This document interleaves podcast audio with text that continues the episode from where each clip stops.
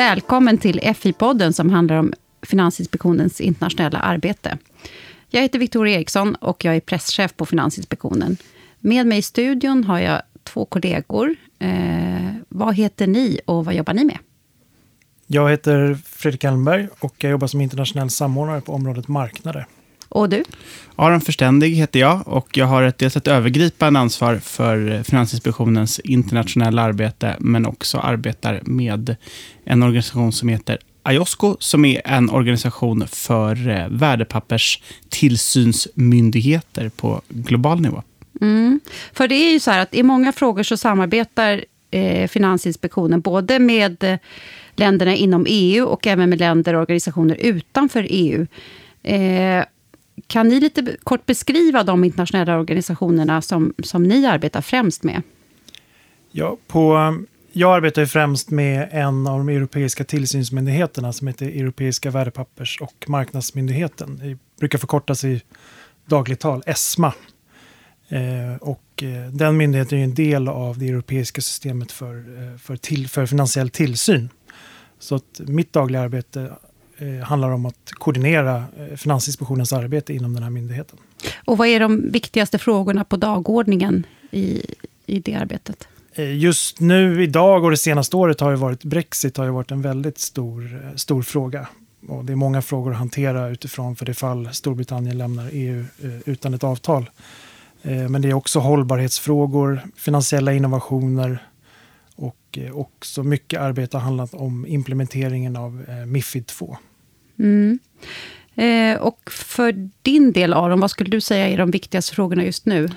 Om jag tar just det här arbetet inom den här globala organisationen, inom IOSCO, så skulle jag säga att det, det på ett sätt är väldigt likt det Fredrik beskriver. Alltså det är hållbarhetsfrågor, finansiell innovation och så vidare. Sen är det ju det, till skillnad från ESMA, är det en global organisation, vilket innebär att visst talar man om Brexit, men det tar inte upp hela möten som hos ESMA. Och sen talar man kanske inte så mycket om just europeiska regelverk, utan man tar som sagt upp större frågor som påverkar väldigt, väldigt många länder. Ja, men som exempelvis finansiell innovation, kryptovalutor, hållbarhet eh, och andra relevanta frågor. Mm. Men, men om, man, om man stannar till lite där vid Brexit. Eh, vi befinner oss ju nu i början av mars. Det är fortfarande oklart vad som sker med Brexit. Eh, Fredrik, vad är det ni jobbar med då eh, på, i, på ditt område? Ja, konkret? Konkret, det är en mängd olika frågor. Det är olika frågor som kommer upp vartefter. Något jag kan nämna som vi har arbetat med tidigare och som vi har gått i mål med, det är ett eh, samarbetsavtal med eh, tillsynsmyndigheterna i Storbritannien. De är på plats och det, de finns för att man ska kunna utbyta information och samarbeta även efter då, sista mars. Sen är det också, som har varit en väldigt viktig fråga för Sverige, det är eh, tillgången till centrala motparter i, i Storbritannien. Och en central motpart är en, eh, ett sådant företag som, eh, som klerar olika eh, derivatinstrument. Och I Storbritannien finns det en, ett väldigt stort sådant företag som är väldigt stor på den, på den europeiska marknaden. Så att de ska fortsättningsvis få verka i EU i, har varit väldigt viktigt. Och har den frågan löst ut sig nu så att det finns ja, det, en lösning? Ja, det har löst sig. Mm. Och där har ESMA tillsammans med tillsynsmyndigheterna arbetat, eh, eller samarbetat med Europeiska kommissionen, eller EU-kommissionen. Och där man har fått så kallade ekvivalensbeslut på plats. Och ekvivalens, det innebär alltså? Det innebär att eh, den här centrala motparten i Storbritannien kan fortfarande eh, verka i de övriga 27 eh, EU-länderna, även efter Brexit. Så det, det, det låter som väldigt spännande frågor som ni håller på med. Men det är ju inte bara ni som jobbar med internationella frågor på FI. Hur många är det hur många fler är det som arbetar internationellt på Finansinspektionen? Aron, vill du säga någonting? Jag kan försöka ge en liten bild av det där. Man kan börja med att slänga ut sig siffran 140, för det är ungefär så många internationella grupper, styrelser, kommittéer, arbetsgrupper, vad de nu kallar sig för, som någon från Finansinspektionen är med i. Och Det innebär ju såklart att väldigt många av de som arbetar på Finansinspektionen är ju med på något vis i det internationella arbetet. Antingen att man deltar på ett möten, eller deltar i olika grupperingar, eller att man kanske hjälper dem som ska delta med olika grupperingarna. Men sen har vi ju ett antal samordnare som Fredrik och jag och vi är ungefär tio stycken. Och om du skulle säga liksom jag förstår att det är svårt, det är, så, det är så många, men huvudfokus i de här grupperna, eller de stora frågorna utöver din egen grupp som du beskrev tidigare, vad, vad ligger det på nu? Ja, men just nu, alltså, i de europeiska grupperingarna är det mycket det som Fredrik har varit inne på. Det handlar väldigt mycket om Brexit, om att kunna hantera eh, det fall att Storbritannien lämnar eh, EU utan ett avtal. Och det ligger bara några veckor fram i tiden. Eh, när det gäller exempelvis den europeiska bankmyndigheten, EBA, så handlar det faktiskt väldigt mycket om rent praktiskt. Alltså att praktiskt flytta myndigheten från London till eh, Paris. Eh, men annars så skulle jag säga att eh, vad som tas upp i de här myndigheterna är väldigt styrt av olika trender. Exempelvis för några år sedan började man tala väldigt mycket om kryptovalutor, just därför att det började bli en väldigt stor trend och började bli eh, vanligare att konsumenter investerade i olika kryptoprodukter. Och, och, och vad har man kommit fram till då när det gäller till exempel diskussionen om kryptovalutor och så? Har man, skriver man något, något gemensamt ställningstagande? Eller vad händer så att säga när man jobbar med den frågan? Ja, som ett på, exempel. På, på global nivå så kan det handla om att man tar fram olika rekommendationer mot hur tillsynsmyndigheter ska arbeta när man utövar tillsyn. Det kan handla om att man beskriver eh, mer ingående vad det faktiskt handlar om. På europeisk nivå så försöker man kanske ännu mer gå in på att försöka definiera och försöka passa in de här kryptovalutorna i det rättsliga system som redan finns.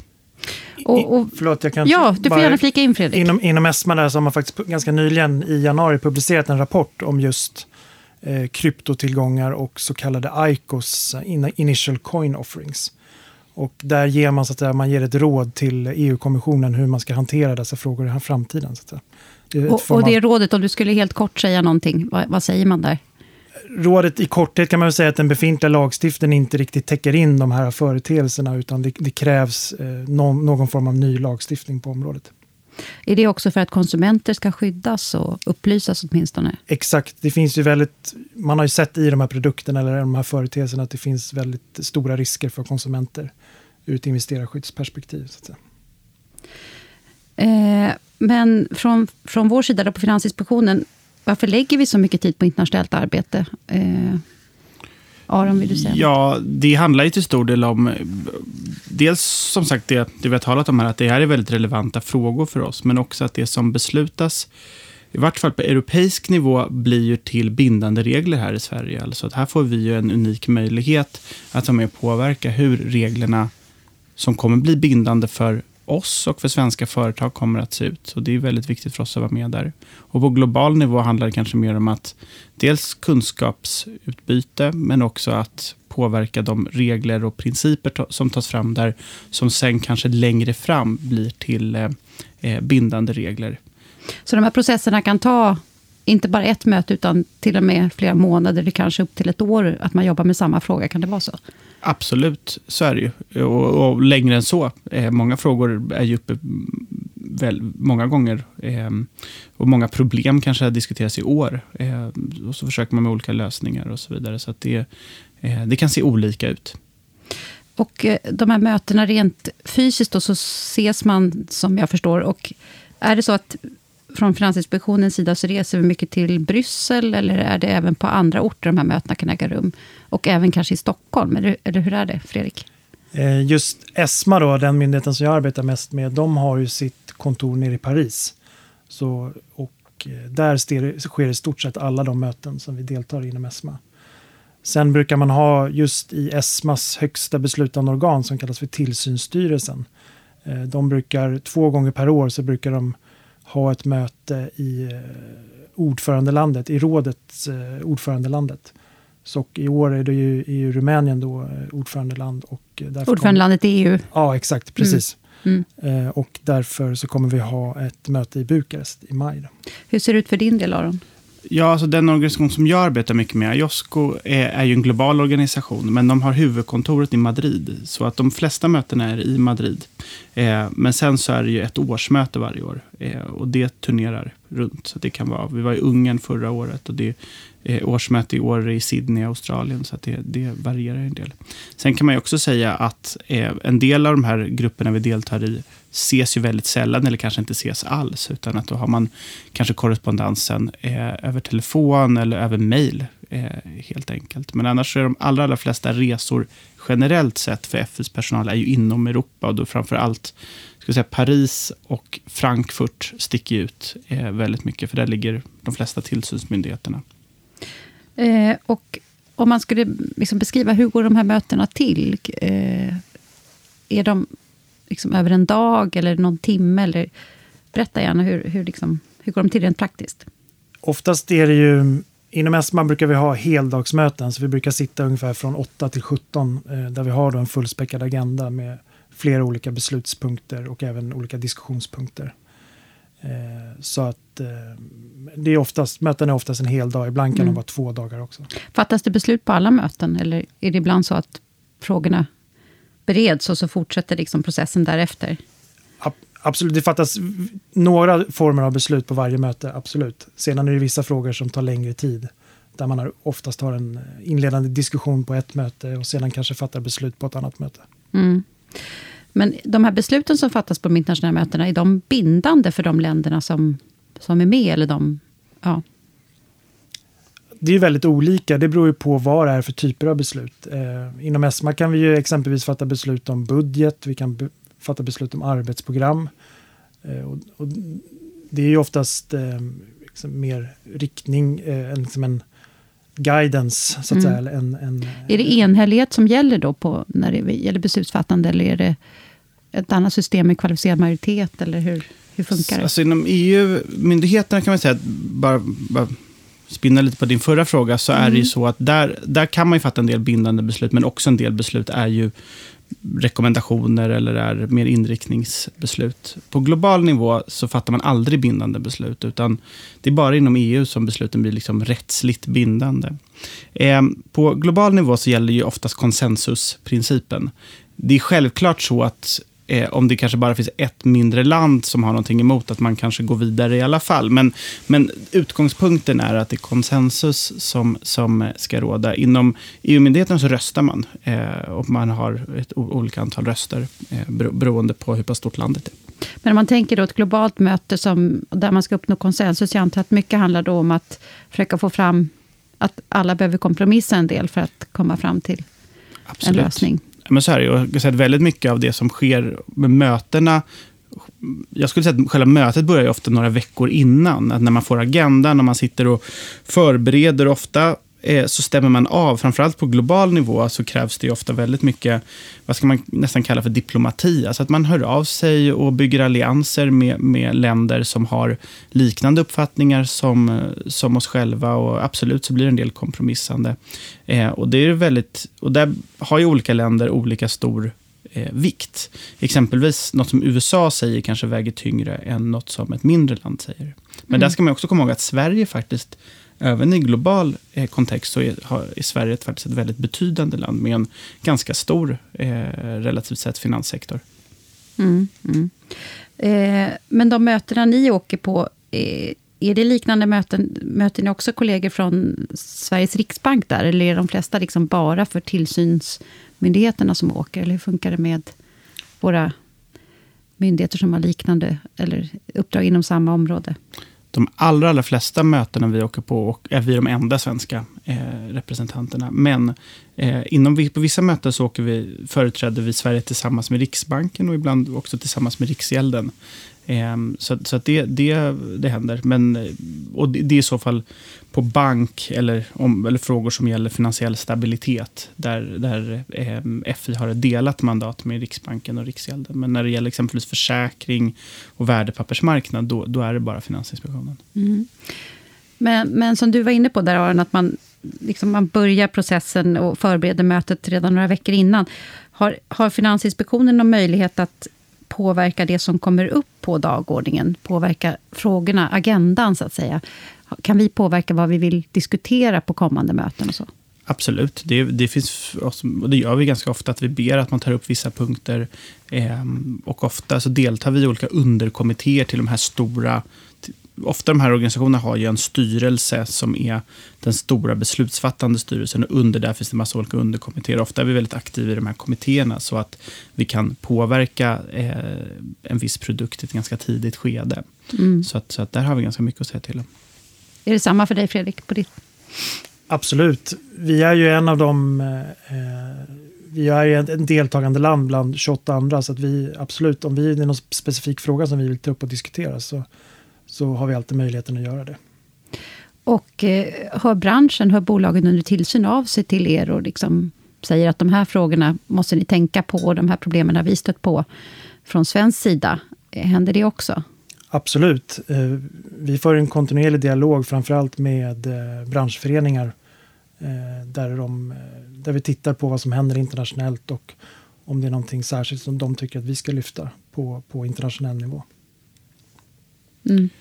Det, jag skulle säga att det, det är samma sak hos oss. Och det, det kan man också lägga till att eh, många av de här eh, företagen under tillsyn har ju också formella möjligheter att, påverka genom olika eh, intressentgrupperingar som är knutna då till framförallt de europeiska eh, tillsynsmyndigheterna. Mm. Sen är Mm. det också när man kan lägga till när man tar fram nya regler och sådär på europeisk nivå så är det också olika konsultationsprocesser där företagen i tillsyn och branschföreningar kan lämna input och så på kommande regler. Mm, jag förstår. Eh, och om man nu ska liksom försöka få lite, lite mer grepp om mötena, då, hur, hur stor del riktar in sig mer på finansiella stabilitetsfrågor och hur mycket är, är konsumentskydd? Om ni bara skulle uppskatta det. Fredrik, vill du börja? Ja, att inom ESMA tror jag att det är nog en liten övervikt på just konsumentskyddsfrågorna eh, om man jämför med finansiell stabilitet. ESMA har ju ett visst ansvar även för att, för att analysera och eh, så att säga, titta på marknaden och titta på frågor ut, ut stabilitetsperspektiv också. Och där publicerar man också olika rapporter och så där, där man tittar på trender och risker. Men jag skulle nog säga att konsumentskyddsfrågorna väger lite över så att säga, inom, inom ESMA. Mm. Eh, hur ser det ut Eh, för resten av FIA, om du kan tala lite brett för? Jag skulle säga att det, det är absolut det, det är både och. Alltså att vi har ju vissa organ, exempelvis Europeiska systemrisknämnden, ESRB, där talar man enbart eh, om finansiell stabilitet, medan det finns eh, på andra områden kanske man mer pratar om eh, konsumentfrågor eller frågor som handlar om att eh, marknaden ska vara välfungerande. Så att det är eh, både och skulle jag säga. Och att alla de här myndigheterna som vi arbetar med har ju precis som FI ett fokus både på finansiell stabilitet och på ett högt konsumentskydd. Mm, mm. Om du skulle säga den, den viktigaste konsumentskyddsfrågan för närvarande, skulle ni kunna säga en, eller är det svårt att välja en? Alltså, Som det finns- diskuteras på möten. Ja, men det finns ju många, jag skulle säga att det som har varit uppe väldigt mycket nu, Fredrik nämnde ju de här initial coin offerings, och lägger man till andra typer av produkter som, som säljs och marknadsförs mot konsumenter, alltså binära optioner, eh, något som kallas för contracts for difference, alltså olika typer av finansiella produkter som eh, marknadsförs mot konsumenter och där det ofta inte finns ett bra uppsåt hos de som marknadsför de här eh, produkterna. Så att, att, hu- att hantera de här, eh, och där är ofta utmaningen att de marknadsförs från, marknadsförs från ett land till ett annat land. Eh, så det finns en väldigt stark gränsöverskridande eh, aspekt i det här. Så det, det, ska säga, det är en väldigt stor utmaning och det är en fråga som har diskuterats eh, globalt väldigt mycket de senaste åren. Finns det mycket samsyn i de frågorna, eller är det mycket olika syn? I just den frågan skulle jag säga att det finns en ganska stor samsyn. Alltså det finns ju olika sätt att hantera det där. Om man exempelvis tar Kina som kanske som, som inte har eh, den typen av rättssystem som vi har i, eh, i väst. Där valde man ju från en dag till en annan att enbart att bara liksom förbjuda många av de här produkterna. Eh, men jag tror att det finns en samsyn i så mått att man vill inte ha de här produkterna. Man ser att det finns ett, eh, en stor risk att konsumenter blir, blir lurade. Men, men sen finns det såklart olika sätt att hantera dem och vilka typer av regler som ska införas. Eh, och Sverige som såklart är en stark rättsstat, där måste vi ta hänsyn till, till olika liksom, legala principer, eh, hur, hur vi hanterar det här. Mm, mm. Man kan ju nämna som ett exempel där inom ESMA och EU då, där det har ganska, rått ganska bred konsensus. Där har man valt att gå vidare med något, man har gjort någonting som kallas för produktingripande. Där man har valt att eh, dels förbjuda en viss specifik produkt, men även infört restriktioner på marknadsföring och försäljning av en annan produkt. Och där, där har det rått, eh, under de diskussioner som har varit under det senaste året, har det rått väldigt stor enighet kring de här besluten. Mm. Intressant. Det, det som ni har varit inne lite grann på, jag tror att du som nämnde någonting om det Fredrik och även du Aron, att, att det läggs en hel del tid på klimatfrågor hållbarhetsfrågor. Varför tror ni att det är så i fokus just nu?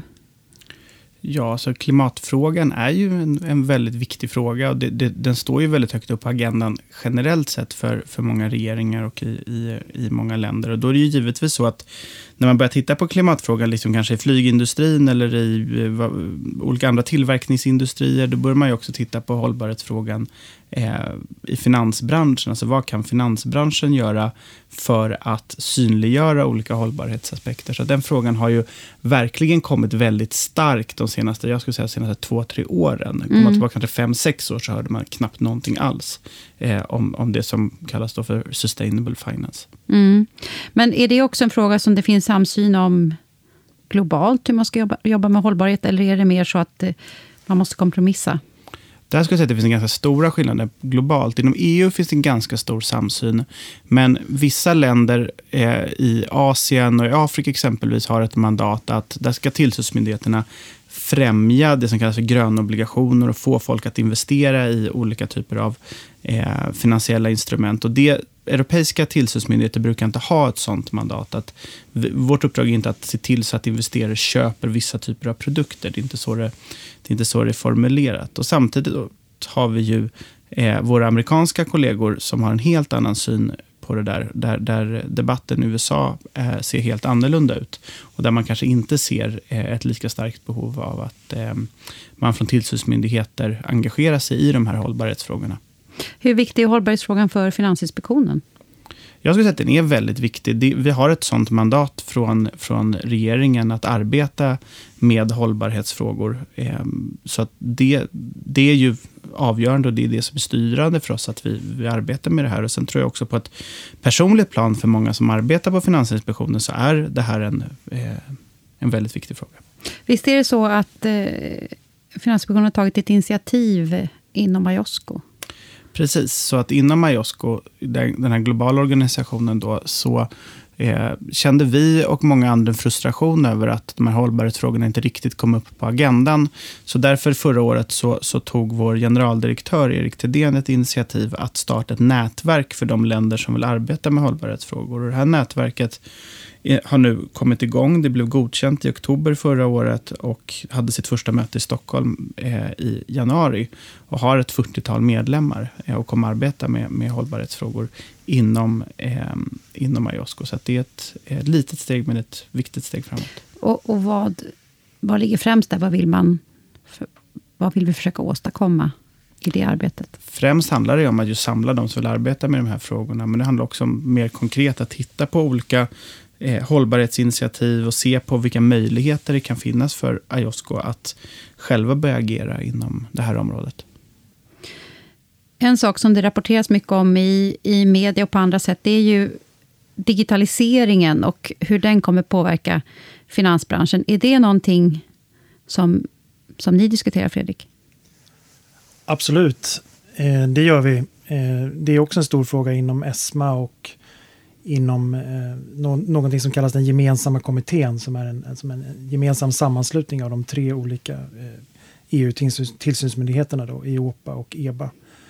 Och där har man ganska nyligen startat eller så att säga, satt upp en, en expertgrupp som ska titta lite på digitalisering och artificiell intelligens och sådär eh, just inom ramen för eh, konsumentskyddsintresset och hur det kan hur det påverkar eller hur det kan vara till hjälp eller liknande. Ja, vad kan man säga där? Hur, hur tror vi att artificiell intelligens kommer påverka FI och finansmarknaden, Aron? Det, det, är väldigt svårt att säga, det ligger lite utanför mitt kompetensområde, men jag kan absolut tänka mig att vi kommer, eh, Finansinspektionen och många andra tillsynsmyndigheter i större utsträckning eh, längre fram kommer att använda sig av artificiell intelligens i, i vår tillsyn. Det skulle inte förvåna mig. Eh, och Samtidigt så ser vi också att företag under tillsyn använder sig av artificiell intelligens. Och därför är det viktigt att dels att vi vet hur vi ska använda det, men också att vi kan se till så att de företagen som vi har tillsyn över använder artificiell intelligens på ett etiskt och på ett korrekt sätt. Så där, det, det, är en, där är vi väldigt tidigt, skulle jag säga. Och det får faktiskt bli sista ordet för eh, den här podden. Och det är dags att avsluta och eh, vi hörs igen. Tack för att ni lyssnade.